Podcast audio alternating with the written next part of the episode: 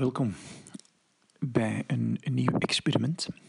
Een dagelijkse memento, waar ik gedurende zeven dagen dagelijks een kleine podcast ga opnemen van ongeveer 10 minuten. Met een beschrijving van de dingen die ik tegenkwam en de acties die ik ondernam om daarmee om te gaan. Deze nacht wakker geworden om drie uur. Uh, dat heb ik gemerkt omdat ik even naar de klok heb gekeken. En toen zag dat de alarmklok op het verkeerde moment stond aangepast. En dankzij een paar ademhalingsoefeningen de boxbreathing heel snel opnieuw in slaap. Wakker geworden om 4 uur 25 en opgestaan. Mijn HRV-meting deze morgen was niet schitterend. Punt. Zit met wat muizenissen in mijn hoofd. Punt.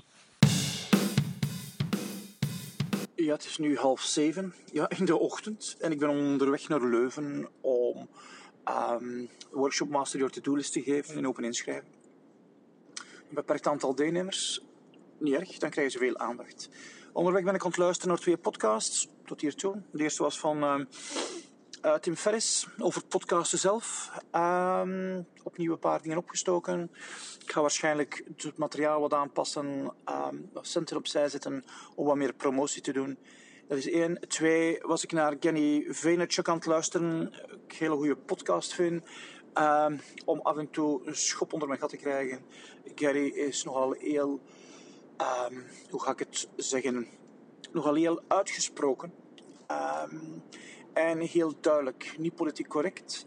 Uh, het ging deze aflevering over ja, studentenleningen in Amerika. Nogal een fucked up game, uh, zoals hij het noemt. Waar dat je voor een shitty product um, een lening moet betalen. En dat je zelfs niet kunt um, jezelf bankrupt verklaren, want die schuld gaat nooit weg. Een raar systeem. De rit naar Leuven viel goed mee weinig verkeer. Dus dat was een pluspunt. Wat vroeger dan verwacht in Leuven.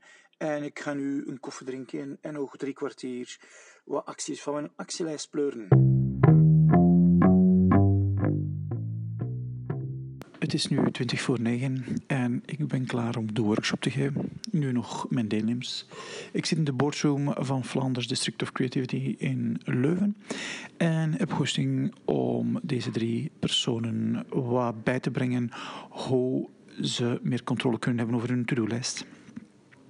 Iets dat ik zelf heel hard nodig heb. Um, straks gaan we misschien wat vragen die de mensen hebben opnemen en dan zien we wel. Johan, ik had graag van jou geweten hoe een ideale geplande week er kan uitzien. Hoe je dat dan ook factueel in je agenda opneemt. En uh, hoe je een beter uh, notie kan krijgen van hoeveel in een dag kan ingevuld worden, dus hoeveel tijd neemt iets. De vraag van Els is niet zo moeilijk te beantwoorden in theorie. Een ideale week doen is je voorbereiden op volgende week. En het is één trap van de drie trapsraket om je prioriteiten een boost te geven. Of het is de eerste van de drie verdedigingsgordels om je prioriteiten te beschermen. En je doet dit door een actielijst voor deze week te maken die doenbaar en doelbaar is. We schreven er al verschillende blogposts over en die kan je op de site vinden. Tweede, hoe kom je te weten of dat iets langer duurt dan je ingeschat hebt. De meeste mensen zitten met dit probleem. We hebben er een term voor bedacht en dat noemt de planning fallacy. Dus de meeste mensen hebben het probleem dat we slecht inschatten hoe lang dat iets duurt. Wat zijn de redenen hoe dat, dat komt? Wel, één is omdat op het moment dat we het inschatten, denken we dat we heel veel energie en heel veel aandacht gaan hebben. Op het moment dat we moeten doen, is dat natuurlijk niet altijd zo. En dan Um, duren dingen langer wanneer je minder mentale energie hebt. Een tweede reden is dat we nogal plannen vanuit hoop. We hopen dat het vlot zal gaan. En dat is ook niet altijd het geval. Nu, hoe kom je dat te weten? Wel, je schat in op voorhand hoe lang iets gaat duren. En dan ga je het meten. Een andere mogelijkheid heb ik nog niet gevonden, maar het is dus inschatten, meten. In ingenieurstermen zouden we dat noemen herkalibreren.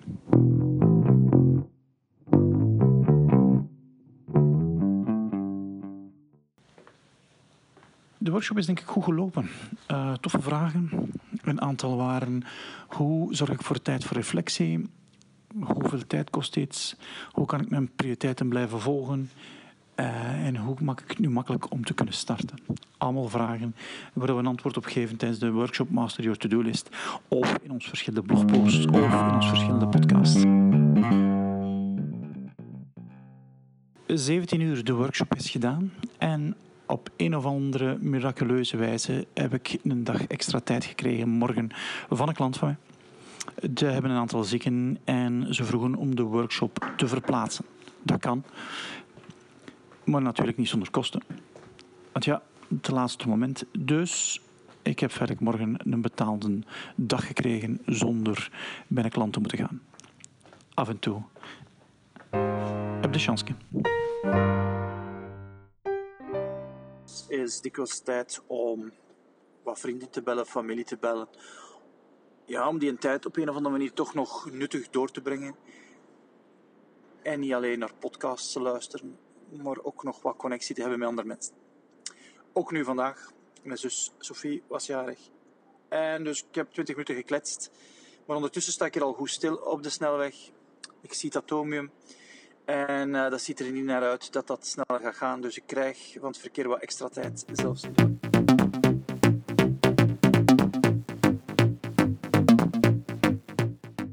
Dankjewel om tot het einde van deze eerste Daily Memento te luisteren. We gaan de komende dagen dat proberen smoother, beter te doen.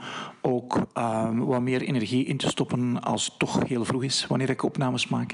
Maar ik ga doorheen de hele dag opnames maken. Net zoals alle dingen die ik nog nooit gedaan heb, duurt dat iets langer dan voorzien. Els ik ehm, dus heel veel empathie met uw vraag, want ik ben daar zelf ook niet zo goed in. Um, ik word er wel steeds beter en beter in. Nu, wat er morgen gaat komen, dat weten we nu nog niet. Maar in ieder geval, geniet van de podcast en hopelijk tot morgen.